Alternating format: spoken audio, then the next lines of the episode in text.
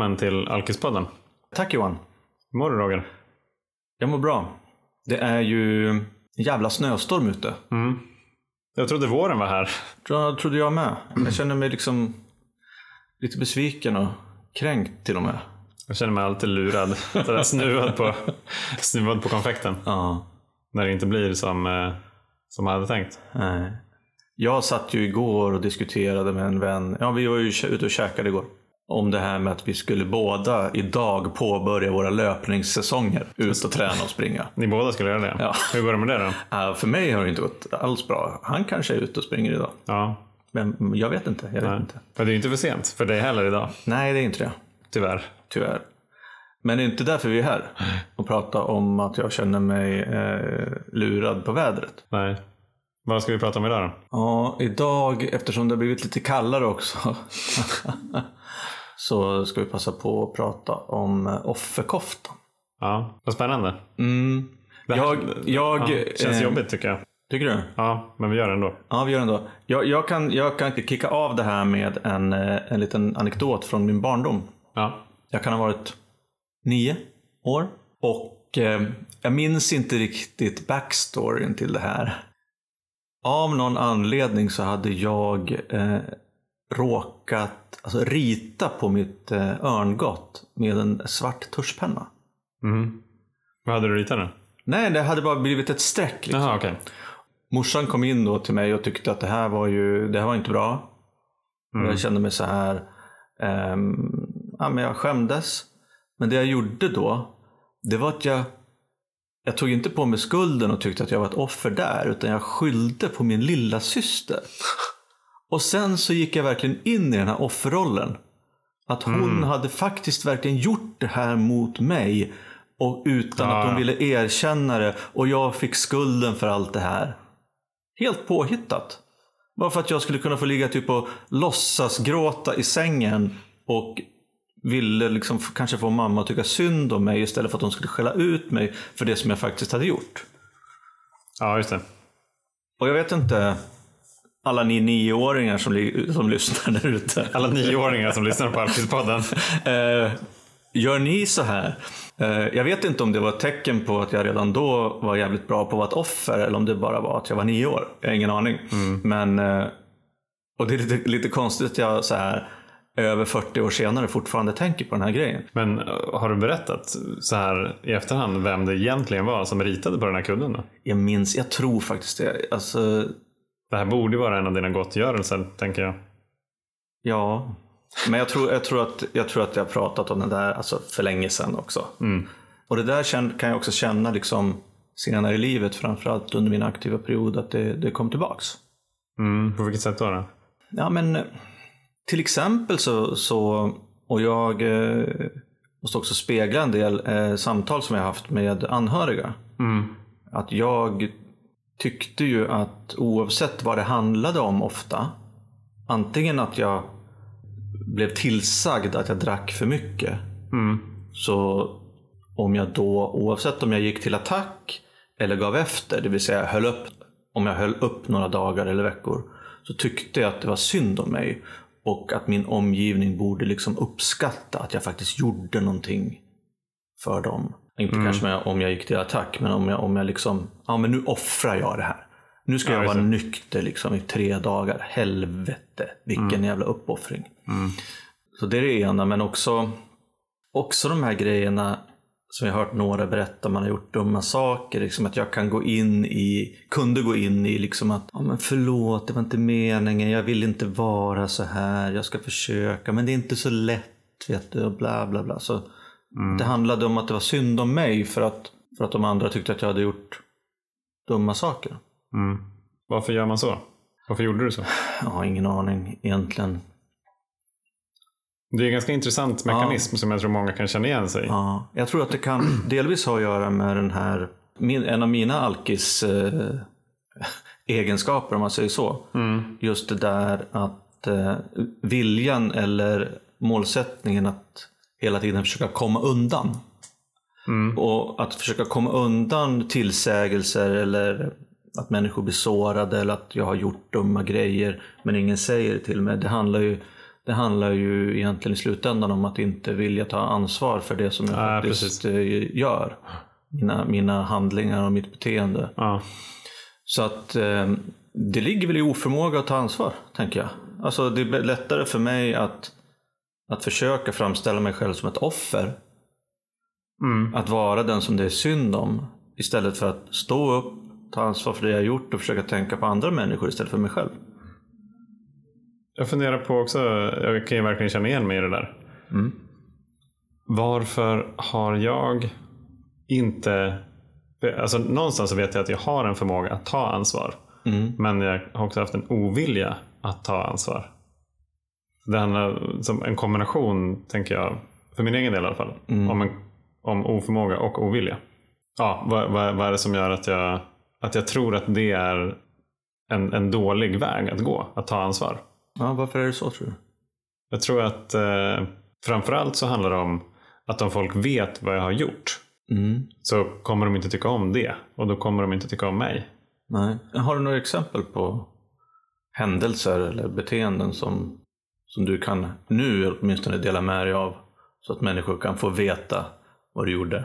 Ja, det finns ju massvis där i, i gömmorna säkert. Nej, men till exempel alltså, när, eh, när jag var yngre, man, är väl allt, man har väl alltid varit yngre. Mm. När jag till exempel festade för mycket och inte här, missade skoldagar i gymnasiet till exempel. Eller jag, jag hade lovat att göra saker som jag helt enkelt inte gjorde. Mm.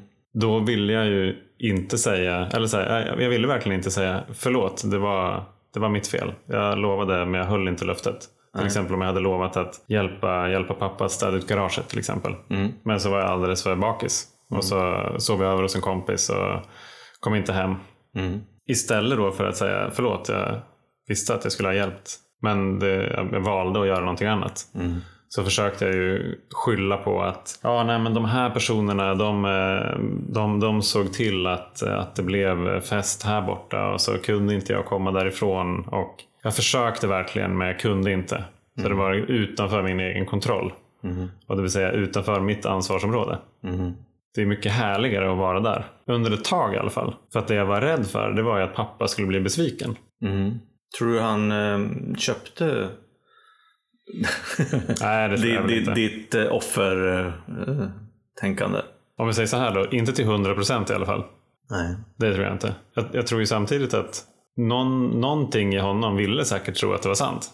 Mm. Men jag har också svårt att, att se att han skulle köpa hela paketet. Så det är ju alltså, det, det är en väldigt intressant mekanism. Att, att vilja skylla på något annat eller på någon annan. Och när jag gör det så vill jag förstärka det så pass mycket. Så att framställa mig som offret i det här. Det är ju jag som är utsatt. Vad får man ut av att framställa sig själv som ett offer? Jag tror att jag har, jag har väldigt länge sökt efter någon som, som ska hjälpa mig. Mm. Någon som kan eh, få mig att känna på ett annat sätt än det jag gör. Jag, har, eh, jag, vet, jag vet inte om vi har pratat om det, men eh, när jag gjorde fjärde steget och där man då gör eh, en, en inventering av, av sitt liv och det man har pysslat med så, så märkte jag ett tydligt mönster och det var att, att jag har under väldigt lång tid av mitt liv försökt att leta efter, eh, efter en flickvän som, som ska rädda mig. Mm. Att det är det som det, det är inte jag själv som kan göra det utan det är något yttre och i det här fallet så var det, så var det en partner. Mm. Det var det som var räddningen. Jag visste inte hur.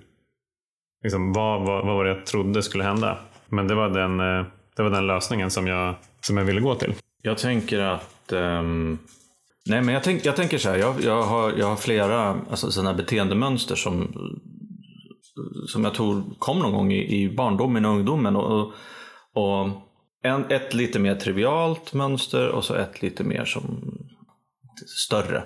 Men det triviala det var så här att jag i, i skolan, jag hade lätt för mig i skolan. Mm. Jag fick oftast väldigt, väldigt bra betyg. Men alltid när vi hade haft prov så försökte jag för mig själv och inför andra att berätta att det hade gått åt helvete. Ja, just det. Fy fan vad jag har ditchat det här provet liksom. Mm. För att verkligen tona ner förväntningarna. Tona ner förväntningarna, ett, ja. Och två, att få liksom tröst. Ja, okej. För trösten och det här med alltså bekräftelse och tröst ifrån andra. Det har varit väldigt viktigt för både min självkänsla och min, mitt självförtroende eh, när, jag var, när jag var yngre. Och till viss del fortfarande. För att jag tänkte så att om jag pratar om att det här har gått åt helvete, då kommer folk att säga till mig så här, Nej men Roger, du brukar alltid vara så bra. Och Roger, nej men du är säkert topp tre i klassen. Eller nej men alltså det här, det finns inte en chans att det här har gått dåligt. Mm. Och någonstans så visste jag väl det också, men jag, jag ville att andra människor skulle säga det här till mig. Mm. Jag tog på mig liksom någon typ av offerkofta för att andra människor skulle ta av mig ofta, Ja, offerkoftan. Men då har jag en fråga. Ja. Kunde det inte räcka med att du visste det? Att Nej. Det, nej. Och det, är Var- det, och det är det som är själva poängen. Och, och, och det, det, där kommer jag tillbaks till återigen det här med bekräftelse som en av de stora behovet av bekräftelse rättare sagt. Som en av de stora Ja. grejerna för mig tidigare eh, i mitt liv. Och vi har pratat om det att men jag hade kanske ingen egen moralisk kompass. Jag, jag hade svårt att älska mig själv. Eller uppskatta mig själv. Eller till och med värdera mig själv. Mm. Jag behövde andra människors eh, eh, gillande för att vara någon. Mm. Och jag vet, du har också pratat om det. Mm. Och på den här middagen vi var igår så pratade jag också om det. Ja. Jag- med två andra människor. Liksom. Att just det där att svårigheten i att vara någon för sig själv Ja. som eh, alkoholist. Eh, så att det här med att låtsas eller, eller liksom förstärka att jag tyckte att det hade gått dåligt på prov, det var en grej. Det andra var ju att jag, jag tänker på det här med du pratade om flickvänner. Mm. Jag var ju i princip olyckligt kär i samma, samma tjej hela högstadiet. ja, vad underbart. Ja. Mm. Men det var nästan så att jag ville vara det. Ja, exakt. Just för att, och alla visste om det. Alltså hon visste om det, jag visste om det, mina kompisar visste om det, mina föräldrar, alltså alla visste om det. Och, och då kunde jag gå runt där som den här stackaren. Ja, just det. Stackars Roger. Och eh, just nej men, eh, få den här trösten och den här bekräftelsen från andra människor. Alltså det är ju ganska perfekt upplägg. Ja, fan. Det var min bästa gren när jag var tonåring. Var olyckligt kär. Precis, men det, det kräver ju då också att man är villig och okej med att erkänna det för andra. Eller så här, det ingår ju i själva paketet. Ja, precis. Och det, det är alltså, för mig är offerkoftan det. Ja, Det är ju inte att jag sitter själv, utan det är ju att jag visar världen Ja, att jag just är ett offer. Just för att få bekräftelse, tröst, gillande. Någonting som jag inte kan ge mig själv. I det där. Vad är det för, är det någon skillnad på att ha den här offerkoftan på sig och vara kränkt? Ja, alltså jag, jag, jag, eh, jag måste För säga för så här. Ja, jag, jag måste Alltså säga så här att jag känner nog inte riktigt att Jag vet inte om jag någonsin har känt mig kränkt. Nej, men det är ju väldigt vanligt fenomen. Just Ja, nu för tiden. Och, och det känns som att det är här, att vara kränkt och på sig offerkoftan. Ja. De används ganska synonymt. Ja. Men i det här fallet så känns det inte som att det är det. Nej, nej, nej. nej. Ja, det var inte det var ju att vara olyckligt kär. Eh, Ja, och det var inte så att jag la, la någon skuld liksom på den här tjejen. nej, egentligen. nej, utan- för det hade ju varit Ja, steget Eller att längre. Mm. hon borde och varför. Eller så, massa sådär. Utan det var bara att jag gillade att vara ett offer. Mm. Jag har väl, ja det är möjligt att den här, om vi, om vi pratar om den här tuschpenn-incidenten. Mm. Då när jag var nio år. Att jag på något vis kanske var i närheten av kränkt eh, Mm. känslor där. Fast jag kanske inte visste vad det var. Och då var jag ju inte kränkt egentligen, jag var bara påhittat kränkt Mm. i så fall. Nej, så jag tycker att eh, jag har väldigt svårt att... Jag känner mig... Jag vet, inte riktigt... Jag vet inte om jag... Jag vet inte vad kränkt är. Jag kan känna mig ledsen och besviken och orättvist behandlad och eh, sårad och, och, så. Men kränkt? Jag vet inte riktigt. Men det är nog många möjligt, som- möjligt att jag har känt de känslorna Mm. eh, om andra skulle få vara i min kropp. Liksom. Ja, men nu är du kränkt. Jaha, är det här som är kränkt? Mm. Jag har Ja, sällan använt det som, som känslobeskrivelse. Mm. Just det. Själv då? Har du gått runt och varit kränkt? Ja, det tror jag absolut att jag har. Berätta. Det, det är ju en glidande skala. Alltså just så här, att vara Hur ser skalan ut att då? vara, ja, men att, att vara missförstådd. Ja. Att inte bli... Att, att, uppfatta, att om jag uppfattar om jag inte blir lyssnad eller sedd eller förstådd. Då har jag lätt i alla fall att hamna i kränkthet Mm. efter ett tag. Mm. Det är ju inte någon speciellt härlig känsla att vara där tycker inte jag. Alltså den, är, den är ganska konsumerande. Det, kan vara allt ifrån kollegor på jobbet som inte, som inte fattar eh, hur, hur, bra jag är. Eller att inte kunder förstår hur, eh, att vi ska göra på det här sättet som, som jag vill. Eller att eh, Josefina inte förstår på vilket sätt det här är fantastiskt. Ungefär. Ofta så är, det, så, så är det så att jag tycker att de borde förstå att jag är så här bra. Mm. Vilket ju är, det är, det är ganska intressant för att det har ju både med en, en, en dålig självkänsla och ett bra självförtroende att göra. Ja, precis. Någonstans. Jag kom, att jag jag kom måste, faktiskt, bli, jag måste bli bekräftad av de här personerna. Och det, och det är inte ens säkert att de, att de har gjort någonting. Det är bara att jag har uppfattat deras signaler. Mm. Som, som eh, att de inte lyssnar, ser eller förstår mig. Jag eh, inser nu att jag eh, har visst eh, känt mig kränkt. Ja, berätta. Och det här har ju eh, i allra högsta grad att göra med att jag är alkoholist. Ja. När jag blir konfronterad med mitt drickande på slutet, Ja, innan ja, jag slutade, Mm. då kände jag mig kränkt. Mm. Då kände jag att ingen jävel ska kunna komma hit och säga till mig Mm. hur jag ska hantera min alkohol. Ja, precis. Men det, det är nog en av mina tydligaste också. Ja. Den, den gången Josefina gjorde det. Ja. När hon bara, du, eh, du tycker inte att det här är lite mycket? Jag kände mig så fruktansvärt kränkt. Mm. Det liksom fanns inga, det fanns inga gränser. Nej. Men sen så, men det, det är en intressant distinktion att göra tycker jag mellan att vara kränkt. Det är inte speciellt konstruktivt Nej. alls. Och den här offerkoftan. För att off, offerkoftan i sin light-version, om man säger då. Det, det är bara liksom en linnekofta kanske. en lite så här, Ja. en lite så här vår, eh, vårig. Något som man Eh, lägger runt, över axlarna. Ja, precis. Mer som en sjal. Ja, en offersjal kanske. ja, men alltså att, att jag, det, det, det kan jag nog använda flera gånger då jag känner att jag verkligen vill slå underläge. Mm. Att jag eh, bäsar förväntningarna på mig. Och det kan vara att jag eh, i förtid berättar eh, om, om jag ska, jag säga att jag ska hålla en workshop eller en presentation som jag är väldigt nervös inför. Mm. Jag så här, ah, jag har sovit så himla dåligt i natt. Mm. Det var mycket med det här och det var mycket med si och det var mycket med så. Så att om det skulle gå dåligt så är det inte riktigt mitt fel. Men om det går bra däremot, då är det helt fantastiskt att du lyckades göra en sån här prestation trots att du hade så pissiga förväntningar som du väldigt målande uttryckte i förtid. Ja. Och jag tror att jag gör det där fortfarande Ja. till en mindre grad. Ja. Men inte alltid. Ibland är det fullt blås. Ja. När jag känner mig speciellt rädd. Och det är det som är den stora skillnaden. Det är jävligt intressant tycker jag om vi nu fortsätter prata jobb och prestationer. Att jag, jag har ett liknande beteende. Det är att jag, eh, jag kan gå och eh, få ångest över en framtida leverans eller eh, Mm. ett genomförande, en workshop till exempel. Mm. Innan jag ska börja jobba med det. Ja, det. För att jag, jag ser att kalendern börjar bli full.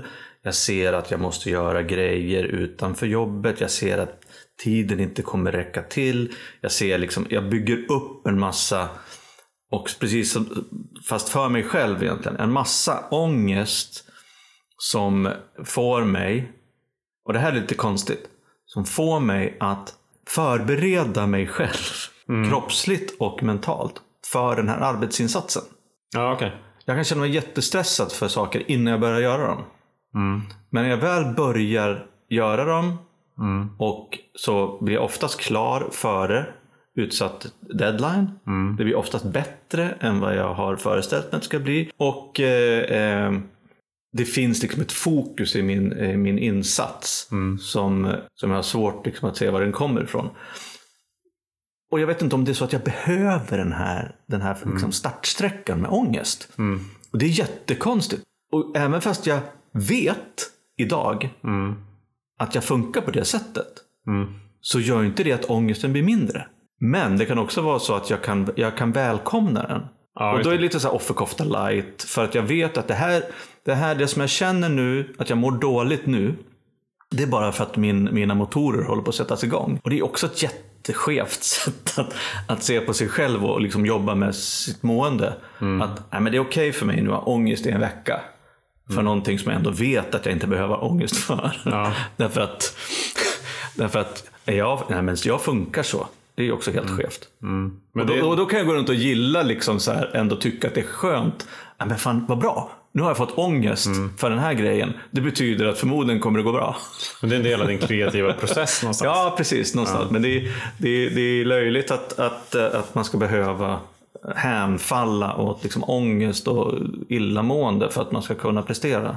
ja, det kan man ju tycka. Ja.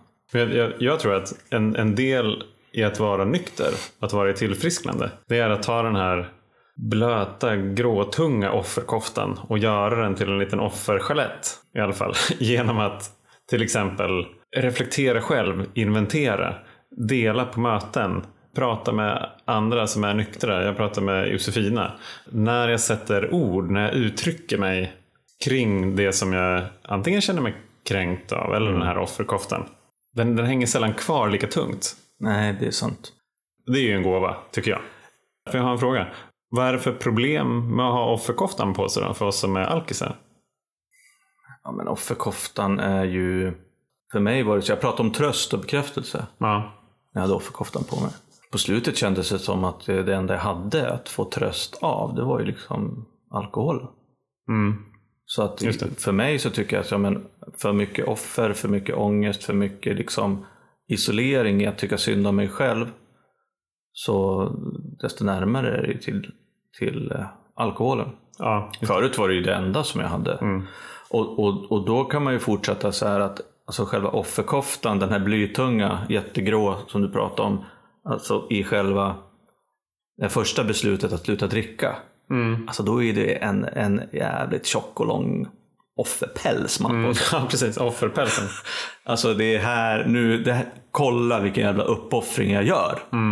Alltså fatta hur, nu slutar jag dricka. Allt det roliga, inom citattecken, som jag har nu med alkoholen. Ja. Det tas bort ifrån mig. Jag kommer få ett grått och tråkigt och trist liv. Men jag gör offret. Mm. Jag sätter på mig den här tunga pälsen, jag kan knappt bära den, orkar liksom inte.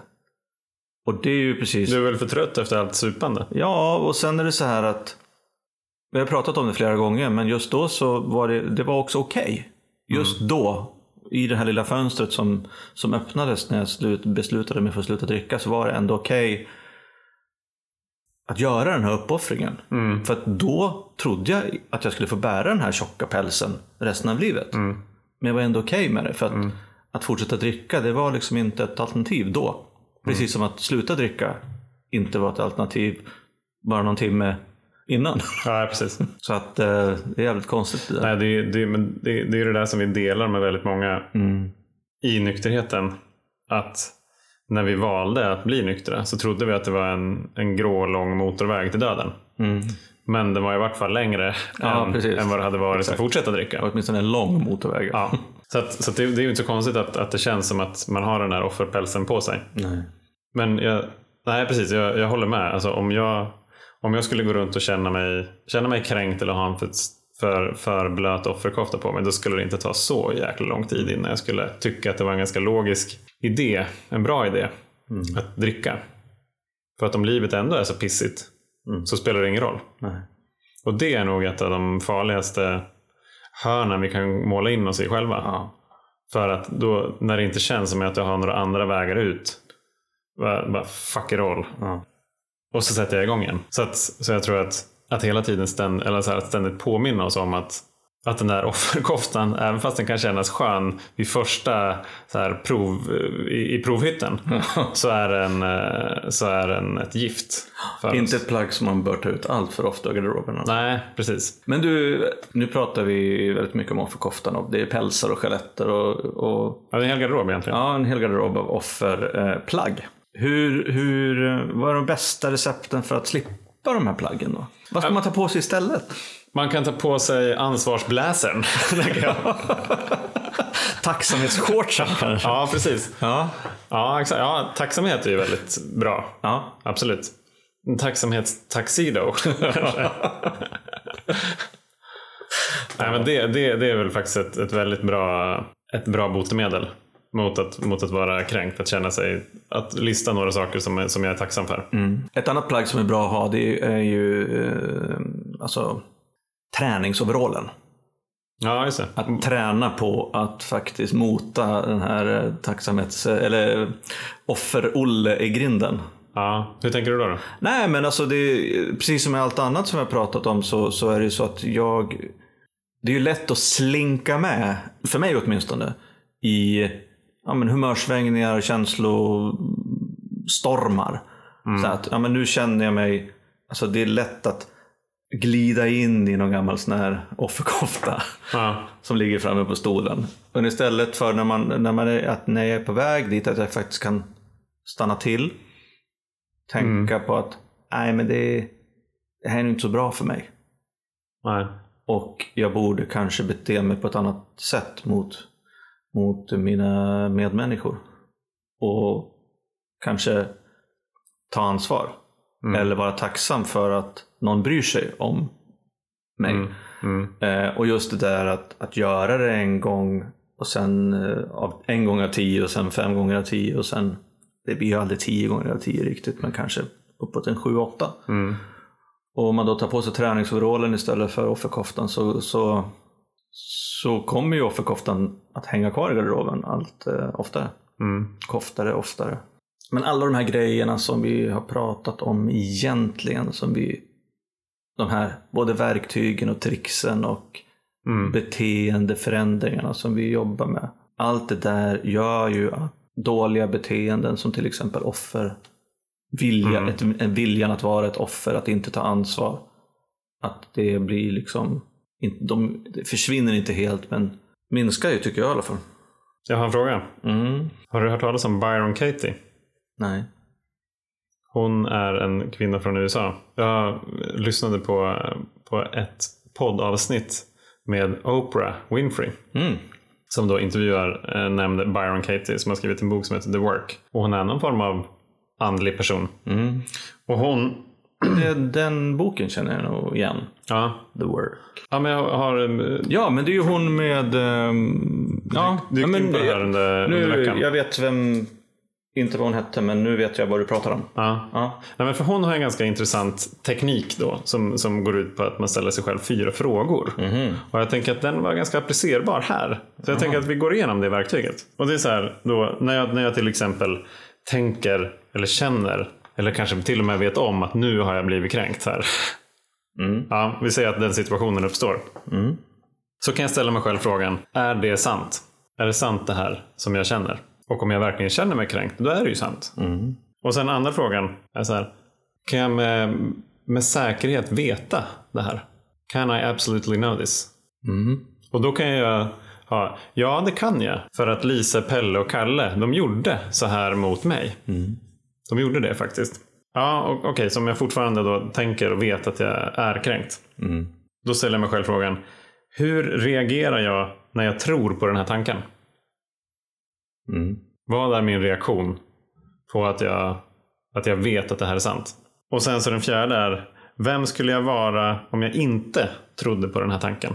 Vem skulle jag vara utan att, liksom, att den här berättelsen var sann? Det vill säga, hur hade jag känt om det var annorlunda? Mm. Och det är ganska intressant det där. Det, har, det, har faktiskt, det, det funkar ganska bra. För att det, det introducerar perspektiv.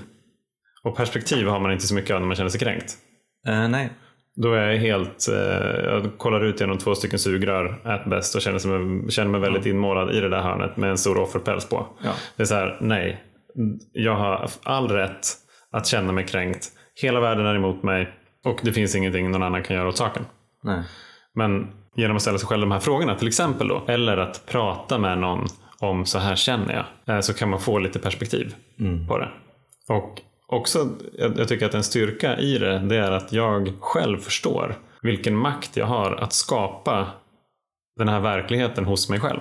Det vill säga, när jag väljer att tro att det här är sant så skapar det ett liv för mig Mm. som är ganska pissigt. Men jag själv har ju valt det. Egentligen. Mm.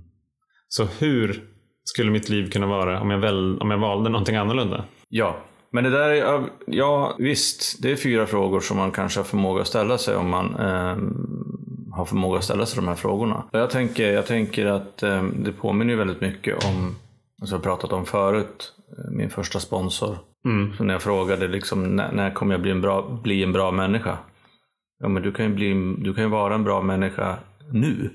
I varje enskild situation. Och det handlar ju om, alltså för det handlar ju också om perspektiv. Att inte bara ge efter. Och det är ju det, det är då, det är där träningsoverallen kommer fram. Alltså för att om jag, med mina taskiga fabriksinställningar, bara liksom go with flow. Och ger efter för känslor och eh, ja, men känslor av harm och rädsla och eh, själviskhet. Så, så kommer jag ju att tro att det är sant och jag kommer att vara den människan som reagerar på de här grejerna på det här sättet. Ja. Så att eh, det handlar ju bara om att... Eh, det handlar om att, Alltså det är inte så jävla lätt att få perspektiv. Nej. Nej, nej.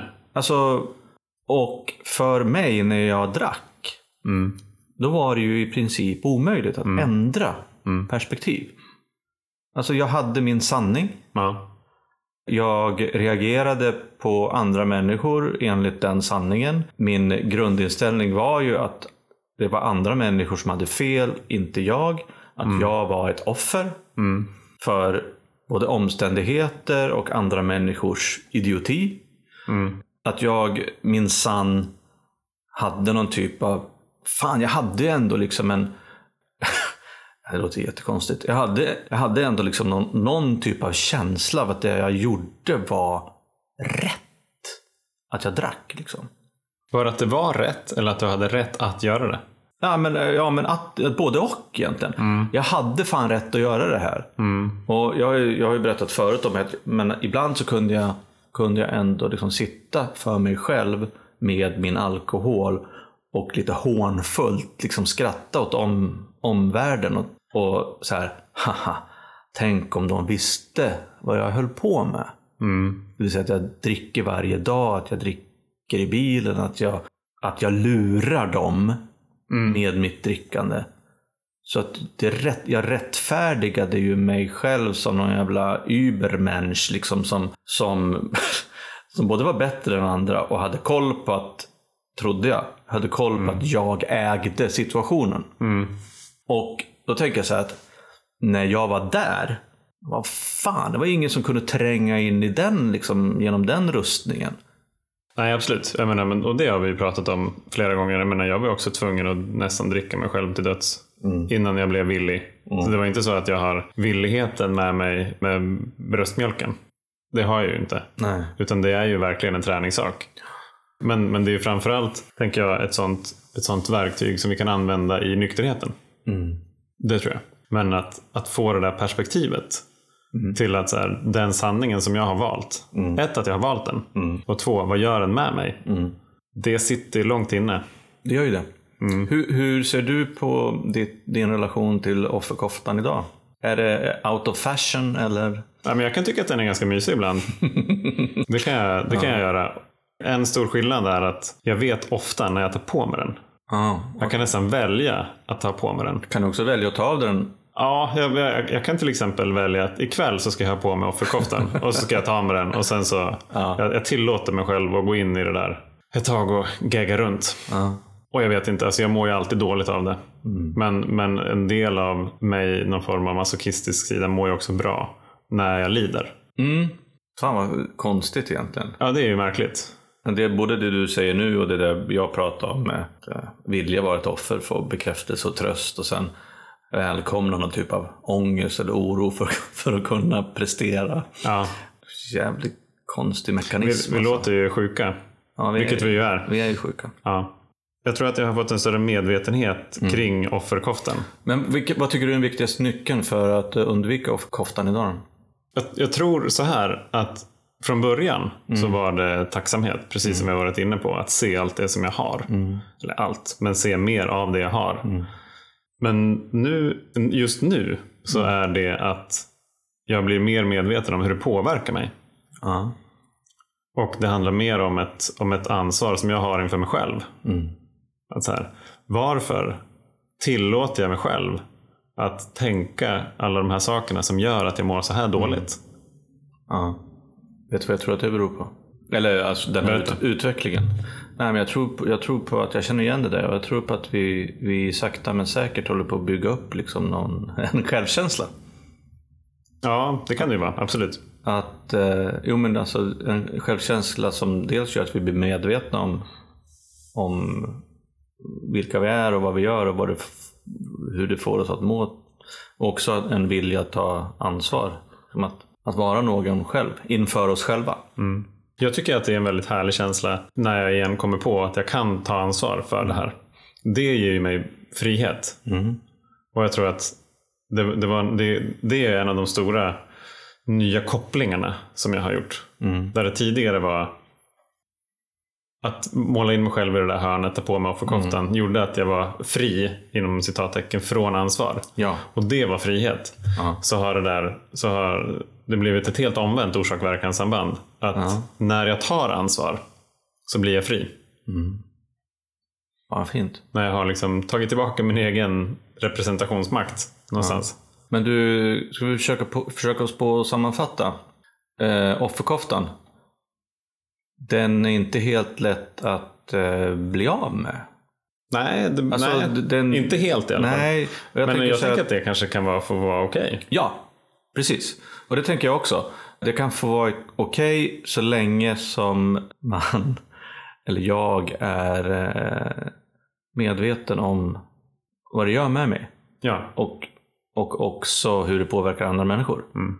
För att det ligger, eh, som, precis som du säger, det ligger mycket i att ta ansvar för sig själv och sina egna handlingar och hur man påverkar eller förstör för andra människor Mm. när man inte tar ansvar för sina egna handlingar. Så nästa gång jag råkar rita med en tuschpenna Ja, ett örngott ska jag fan ta ansvar för det. Och skylla på någon annan. Nej. Nej, precis. Nej, men eh, exakt, jag håller med. Det är, livet blir mycket enklare när jag inte har hittat på en massa saker för att fly bort från mitt eget ansvar. Det blir jättejobbigt. Mm. Då måste jag komma ihåg vilka lögner jag hittar på. Mm. Istället för att säga förlåt, jag ritade på kudden. Ja. Och så gottgöra det på något vis. Eller säga förlåt pappa, jag, jag skulle ha kommit hem och hjälpt till i garaget. Jag gjorde inte det. Nej. Finns det någonting jag kan göra nu? Ja. Och, och förlåta sig själv Mm. för det. Jag, jag, jag tror att det är nog den största, den största lärdomen faktiskt. Eller en av de största. Att om jag inte går vidare, då förlåter jag inte mig själv. Nej. Och då har jag en ganska bra bakväg till att börja dricka igen. Ja. Och jag tänker också att det här med att förlåta sig själv handlar ju också kring det här med att bygga självkänsla. Mm. Att kunna förlåta sig själv och till, sen kunna acceptera sig själv, kunna gilla sig själv, kunna älska sig själv Mm. utan att man behöver andra människors kärlek, tröst, Mm. bekräftelse. Det handlar ju om att bli lite mer självförsörjande Mm. på, på de känslorna. Mm. Det är väl en frihet, Ja, tänker jag. det är en jävla bra frihet. Istället för att vara beroende av andra. Mm. Fint. Har vi någon... Andra meddelanden till gruppen. Ja, Jag vet inte. Nej, jag tror inte det. Kom gärna med förslag på, på teman som ni Ja. skulle vilja att vi diskuterade. Antingen på, ni kan eh, höra av er till oss på Facebook eller Instagram. Och fortsätt gärna att mejla. Mm. Vi blir jätteglada när ni hör av er och eh, delar era stories om hur ni har blivit nyktra. Och också kommer med, med uppslag på de här personerna borde ni kontakta eller kan ni inte kolla in det här? Det vore jättespännande att höra er syn på det ena eller andra ämnet. Mm. Fortsätt göra det. Vi blir verkligen jätteglada och eh, vi försöker alltid att svara så fort det bara går. Ja, tack allihop hörni. Och eh, ha en trevlig helg. Ja, ha en trevlig helg. Hej då. Hej då!